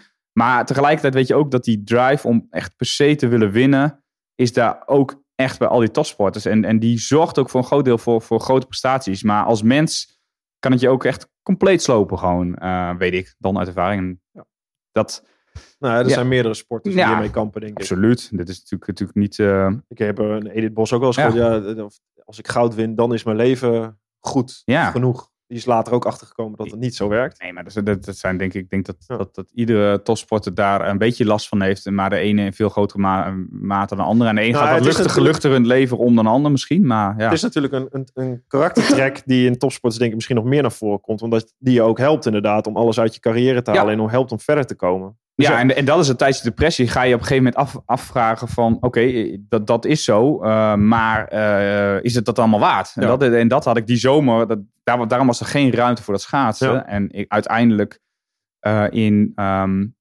no- uiteindelijk ging ik gewoon... Wat wel heel mooi, mooi was... Tegelijk met dat het winterseizoen begon... ging het echt duidelijk beter met mij, mentaal gezien. Ik denk ook dat schaatsen daar wel een bepaalde rol in had. Uh, vooral door, door de structuur die het ook wel deels bood en de ploeg om me heen. Ik, was niet helemaal alleen op een eiland beland uh, als kluizenaar. Dus dat, dat scheelde al. Um, maar ook het herkennen van, van weer naar een wedstrijd gaan of zo. Dat het gaf een soort, soort ook zelfs denk ik hormonale invloed heeft dat op je. En, en automatismes die je doet. Mhm. Die mij ook wel een bepaalde structuur gaven. Die hielpen.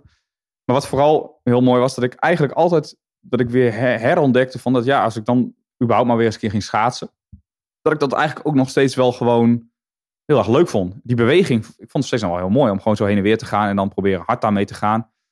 Maar ik had daardoor wel heel erg losgelaten van ja, ik moet en ik zal winnen. Zo, dat heeft het uiteindelijk wel gedaan, die depressie met mij. Ja, ik dacht, uh, ik heb je de hele, van dichtbij meegemaakt, die hele, dat hele jaar. Ik dacht, nou, echt geen stuiver.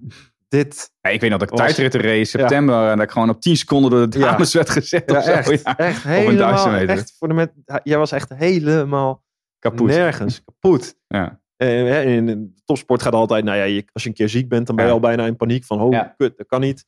Uh, alles moet kloppen, er mag niks verkeerd gaan, alles goed, goed, goed. Als je zo ver weg bent van je prestatieniveau, dan denk je, nou, dit is... Nee. En het werd, het werd met een winter. Ja, nee, ja, ik, dat is nog steeds niet natuurlijk. Ja, je kunt van allerlei eh verklaringen Ja, bij hebben. Wereldkampioen. maar ik- ja, maar ik werd ook gewoon eigenlijk meteen in november twee keer Nederlands kampioen. Ja. De 1000 en de 1500. En ik won meteen wereldbekerwedstrijd. Nou, dat had ik al vaak gedaan. Maar ik werd inderdaad wel uiteindelijk ook wereldkampioen sprint toen voor het eerst. En wereldkampioen afstanden ook nog eh, anderhalve maand later. Jij won alles. Dus ik won, ik won in één keer alles, ja. En dat is eigenlijk, ja, is natuurlijk totaal idioot misschien op een bepaalde manier. ja, dat En- lichtelijk... dat vind ik nog lichtelijk uitgedrukt. ja. Ja, eh, ik ben altijd heel voorzichtig geweest met de conclusies, hoe dat dan komt. Kijk, ergens ben ik... La in eerste instantie wilde ik daar helemaal niet aan toegeven. En later ben ik wel, heb ik wel gezegd van, ja, weet je, eh, ik denk wel dat er mentaal ook wel... Ik voelde in ieder geval die hele winter veel vrijer. Ik had veel minder... eh, ik dacht van, ja, ik ga gewoon schaatsen en dan zullen we het wel zien. En dat, dat zorgt elke keer wel voor resultaat. Maar ehm, ja, ik was daar op de eerste instantie ook wel een beetje, een beetje terughoudend in om dat, om dat zo te bevestigen. Want in feite was mijn prestatieniveau net zo hoog als die jaar voor. Het was niet dat ik in één keer veel harder reed. Alleen op die cruciale momenten. Nou, dat Ja. was een, Viel het in een heel keer- erg cruciaal moment. Het laatste duizend meter, WK sprint. Ja, Eh, je, je, je was, even kijken, hoeveelste stond je? Vierde? In ja, het klassement. Je stond vierde, Ja. hè? De welberuchte Ja. vierde plaats, waar je al vaker had gestaan. En je had maar dat was wel gewend na een tweede 500 meter om daar te staan. Nee, weet ik. Alleen de, het verschil was hoe jij die laatste rit inging. Ja. Ja, nee, dat. eh, eh, ja. ja, en dat, dat ervaarde ik dan misschien toen, toen niet zo. Voor mij was het gewoon weer een- race eh, om, om alles te laten zien. En, en ehm, vooral vri- vrij te schaatsen. En dat, dat deed ik inderdaad ook wel.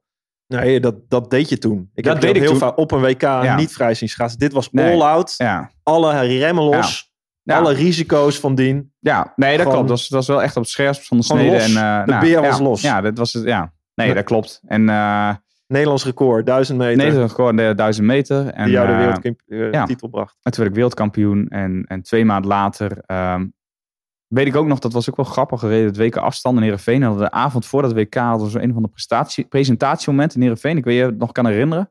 Ja, dat was in ieder geval, er werden Ja. alle, moest je dan Op heen naar plein, het podium of Ja. een plein. En dan, toen weet ik nog dat mij ook vragen werden gesteld. En dat ik heel vrij, en dat voelde ik nog wel heel sterk toen. Dat ze vroegen van, oh, Steven, wat gaat het worden? Ik zei, nou, ik ga gewoon wereldkampioen worden hier.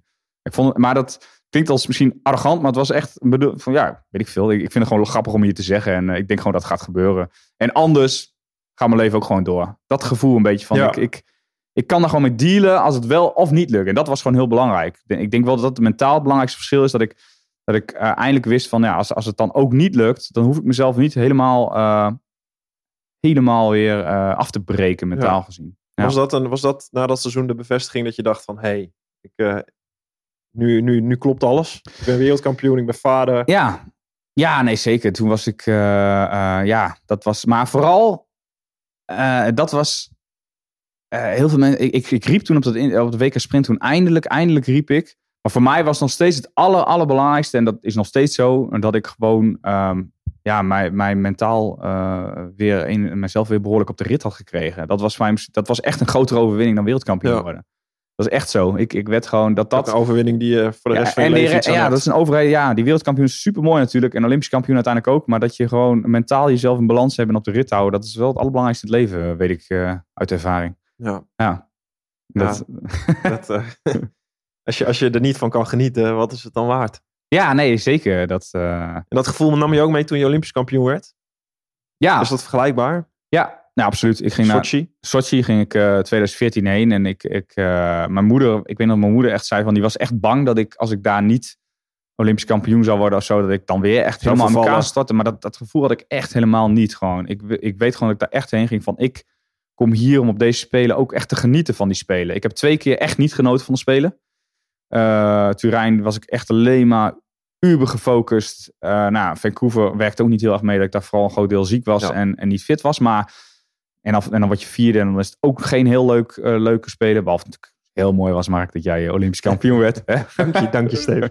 en eh, Het is mooi dat jullie erbij waren. ja, nee ik, nee, ik weet ook wel sterk. Nou, van de hak op de tak. Maar dat, ik- dat jij weer Olympisch kampioen wordt. Ik, ik vond het serieus wel lastig hoor. Ik moet zeggen dat ik echt wel... Fuck. Simon ik, ook, ik had dat moeten worden, maar ik ga wel mee naar, jou, naar jouw medailleuitreiking. Ik bedoel, die gast wordt ook... Nou, ik weet niet of je nog een keer Olympisch kampioen wordt, maar de kans is niet extreem groot. Eh, maar het kan wel. Maar goed, Ja. je bent gewoon Olympisch kampioen geworden. Dan moet je ook gewoon, gewoon daar zijn voor je teamgenoten. Dus ik vond het ook wel... Was heel dubbel om daarheen te gaan, maar Ja. ik vond het wel belangrijk om dat wel te doen of zo.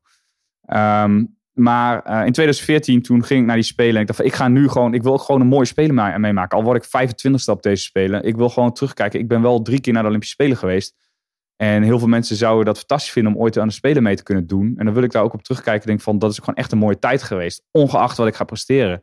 En dat was wel een heel groot verschil met die Spelen daarvoor, hoe ik eh, heen ging. Dus ik, ik, ik genoot van die hele spelen op zich al, terwijl ik daar was, gewoon hoe het was, zag, ja, ze hadden, je kunt van alles van die Russen zeggen, maar ze hadden het wel goed georganiseerd.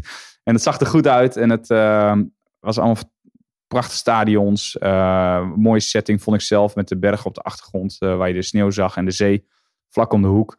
En ik, ik genoot daar optimaal van. En uh, ik, ja, ik ga gewoon zien wat, ik, wat daar gaat komen. Maar dat klinkt, heel veel mensen zeggen dan van ja, als je daar zo heen gaat, ja, dan wordt het toch nooit wat. Maar ik had altijd tegelijkertijd echt wel extreem die drive nog steeds. Van ik, mhm. ik ga je wel het maximale uithalen natuurlijk. Ja. Heel veel mensen begrijpen dat niet. Als je dan zegt van ja, ik, ik ga wel zien wat het wordt. Ja. Mentaal gezien ga ik, ga ik, de, ga ja, ik dat is een lastige balans een beetje hè? van, top, van, ja. van topprestaties. Je, net wat je eerder ook zegt, je moet willen winnen. Dat moet. Dat, ja. Maar als je alles je vereen, gaat vereenzelvigen met dat ene lot, wat maar heel moeilijk is om te halen. De kans is heel groot dat het niet lukt. Dan maak je jezelf ook veel te lastig, want alles draait om het proces om heen. Het zijn allemaal twee facetten die. En als je te veel gaat relativeren, dan inderdaad, dan ga je erheen als toerist. Dan wordt er nooit wat. Nee. Als je te weinig gaat relativeren, dan heb je wat je in Turijn had met je oogkleppen. Ja. Nou, die balans had ik wel gevonden. Kijk, ik ben iemand die gewoon gauw doorslaat naar uh, uh, dat het echt moet. Echt moet, moet. En dus voor mij is als ik dan uh, daar de scherpe randjes al behoorlijk vanaf weet te krijgen. Dan, dan sta ik dan steeds heel scherp aan de start. Is het gewoon dat je je eigen balans moet zoeken? Iedereen heeft een bepaalde. Je hebt niet één, één factor voor jou, voor jou, voor jou. Iedereen heeft zijn eigen balans. Als jij meer doorslaat naar die kant, heb je meer nodig van de andere kant. Vice versa. Ja, ja nee, dat klopt. Dus voor iedereen is dat een eigen balans, inderdaad. En, en, en ja, je moet daar, uh, daar, daar, dat is denk ik wat topsport 100% is gewoon. Heel veel mensen, natuurlijk, moet, je moet fit zijn, maar iedereen die daar aan de start staat is fit. En iedereen is gezond. Ja, of je moet net uh, ziek zijn geworden, wat dan ook. Maar over het mm. algemeen is iedereen behoorlijk fit, goed getraind. Het verschil zit hem uiteindelijk gewoon inderdaad van hoe, hoe um, geconcentreerd, maar ook gewoon wel weer vrij ja, aan, de, aan die stad kan staan. En gelukkig had ik die balans in, uh, in Sochi, Sochi ja, ook helemaal. Maar nog, nog belangrijker, als ik het niet had gehad, als ik in ieder geval niet helemaal technisch goed had gereden, of mm. wat dan ook. ik, ik wist wel dat ik daar ook sowieso was en dat ik, uh, dat ik ervan had, toch uiteindelijk had van had kunnen genieten. En een mooie spelen had kunnen meemaken. Al was ik, als ik hetzelfde als Vancouver. Vijfde was gewoon, ja? Ik had het ook. Ik heb een paar weken voor Vancouver heb ik mezelf de vraag gesteld. Je hebt het zo vaak geprobeerd. Wat als het nou niet lukt? Dat ik mhm. echt oprecht tegen mezelf kon zeggen. Ja, dan, dan is het moeilijk om mee te leven. Tuurlijk, dat blijft mhm. lastig. Je, wil, je gaat voor het hoogste. Mhm. Maar daar kan ik mee leven. Omdat alles wat ik gedaan heb om hier te komen. Dat, dat zijn de lessen die ik nodig heb gehad. Daar heb ik van geleerd. Dat was waardevol. Ik ben hier en nu. Ik geniet van wat ik doe. Tot optima forma. Ik ben in vorm. Dus ja, eigenlijk alles heb ik wel gedaan wat ik kan doen. Het enige wat ik nu kan doen is gewoon maar van genieten en het beste van maken. En uh, gewoon vol gas gaan op het moment dat de stad goed gaat. Ja, jij hebt natuurlijk met dat betreft precies hetzelfde riedeltje ongeveer afgehandeld. In 2002 weet ik nog inderdaad. Uh, jou, jij, jij, was voor 2002 was voor jou al een heel stuk reële dat je daar uh, echt had kunnen heen gaan. En in 2006 Turijn precies hetzelfde. Toen, ook twee keer de nagesmaak van een speler gehad. Nee, dat weet ik ook nog van dichtbij. Ja, ja je hebt alles gewonnen, Steven, in je carrière heel veel meegemaakt. Nu ben je gestopt. Nog heel kort daarmee af te sluiten. Wat, wat zijn de dingen die je nu meeneemt waar je op let? Eh, wat, je, wat je aan je eigen kinderen kan doorgeven? Mhm.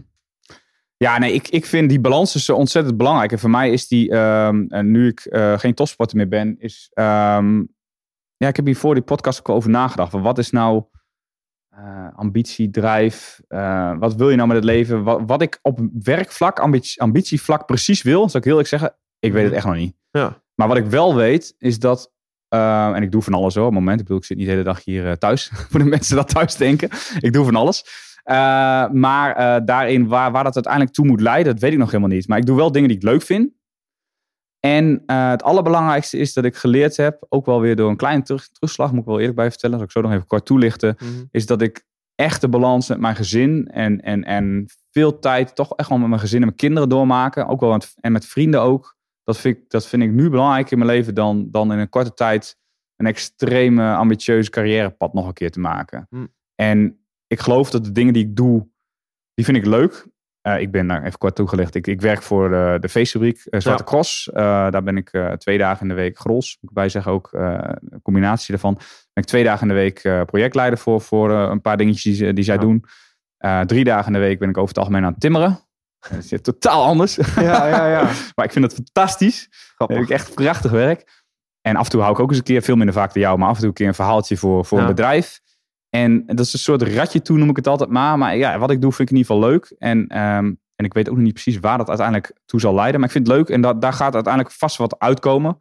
Als ik daar uh, En is ook de balans die jij een beetje nodig hebt? Jouw kennen tussen het handarbeid, hè? Ja. het met je handen bezig Ja. zijn of, of fysiek bezig zijn als sporter. En aan de andere kant met je hoofd bezig Ja. zijn. Want jij kan ook, je bent een slimme gast, maar jij, eh, jij, jij, jij kan ook heel erg veel nadenken. Misschien wel te veel soms. Nee, dat klopt. Dat is, eh, ik heb die, die balans eh, heel sterk nodig. Als ik, als ik een dag eh, voor de feestweek heb gewerkt, wat vaak ook op kantoorwerk na, Ja. neerkomt. Dus dat, eh, nou, soms ga ik de deur uit, maar soms heb ik ook wel een dag dat ik echt acht uur per dag achter de computer zit. Wat Ja. heel veel mensen natuurlijk Ja. gewo- normaal is. Maar dat is voor ons denk ik enorm wennen. Dan, dan ben ik echt... Uitschot echt- van de maatschappij uh, tegen. Ja, wij zijn dus, om de kant van Aan de de ene kant heb je de samenleving. criminelen, aan de andere kant heb je die geflipte oude topsporters. Precies. Ja, in ieder geval na acht uur of zo een dag op kantoor, dan, dan ben ik echt een stuk kapotter dan dat ik gewoon vijf dagen met, met, de, met de accuboord de hele dag een beetje aan het schroeven ben of, of dingen aan het versjouwen ben op de bouw. En dat, eh, dat, eh, dat, ik heb echt wel die fysieke component ook wel nodig Ja. inderdaad. Ja. En, en daarin zoek ik nog wel naar... eh, Nou ja. maar goed, dat, dat, dat, komt vanzelf. En, Dat vind je ook weer met een nieuwe identiteit. Heb je ook niet van de een op andere dag natuurlijk. Maar ik merk wel dat die, die drive is wel, Ja. ook, nogmaals wat we over gehad hebben, een uitdaging. Omdat toen ik gestopt ben, eh, toen ben ik direct eigenlijk doorgegaan. Wilde ik ook mijn eigen bedrijf beginnen in het vertellen van dit verhaal van balans houden. Dat, dat een heel tegenstrijdig verhaal is. Maar dat, dat, dat ik, ik wilde een bedrijf beginnen in het, het zoeken naar je balans. Maar Ja. dan door middel van sport eigenlijk. Ja.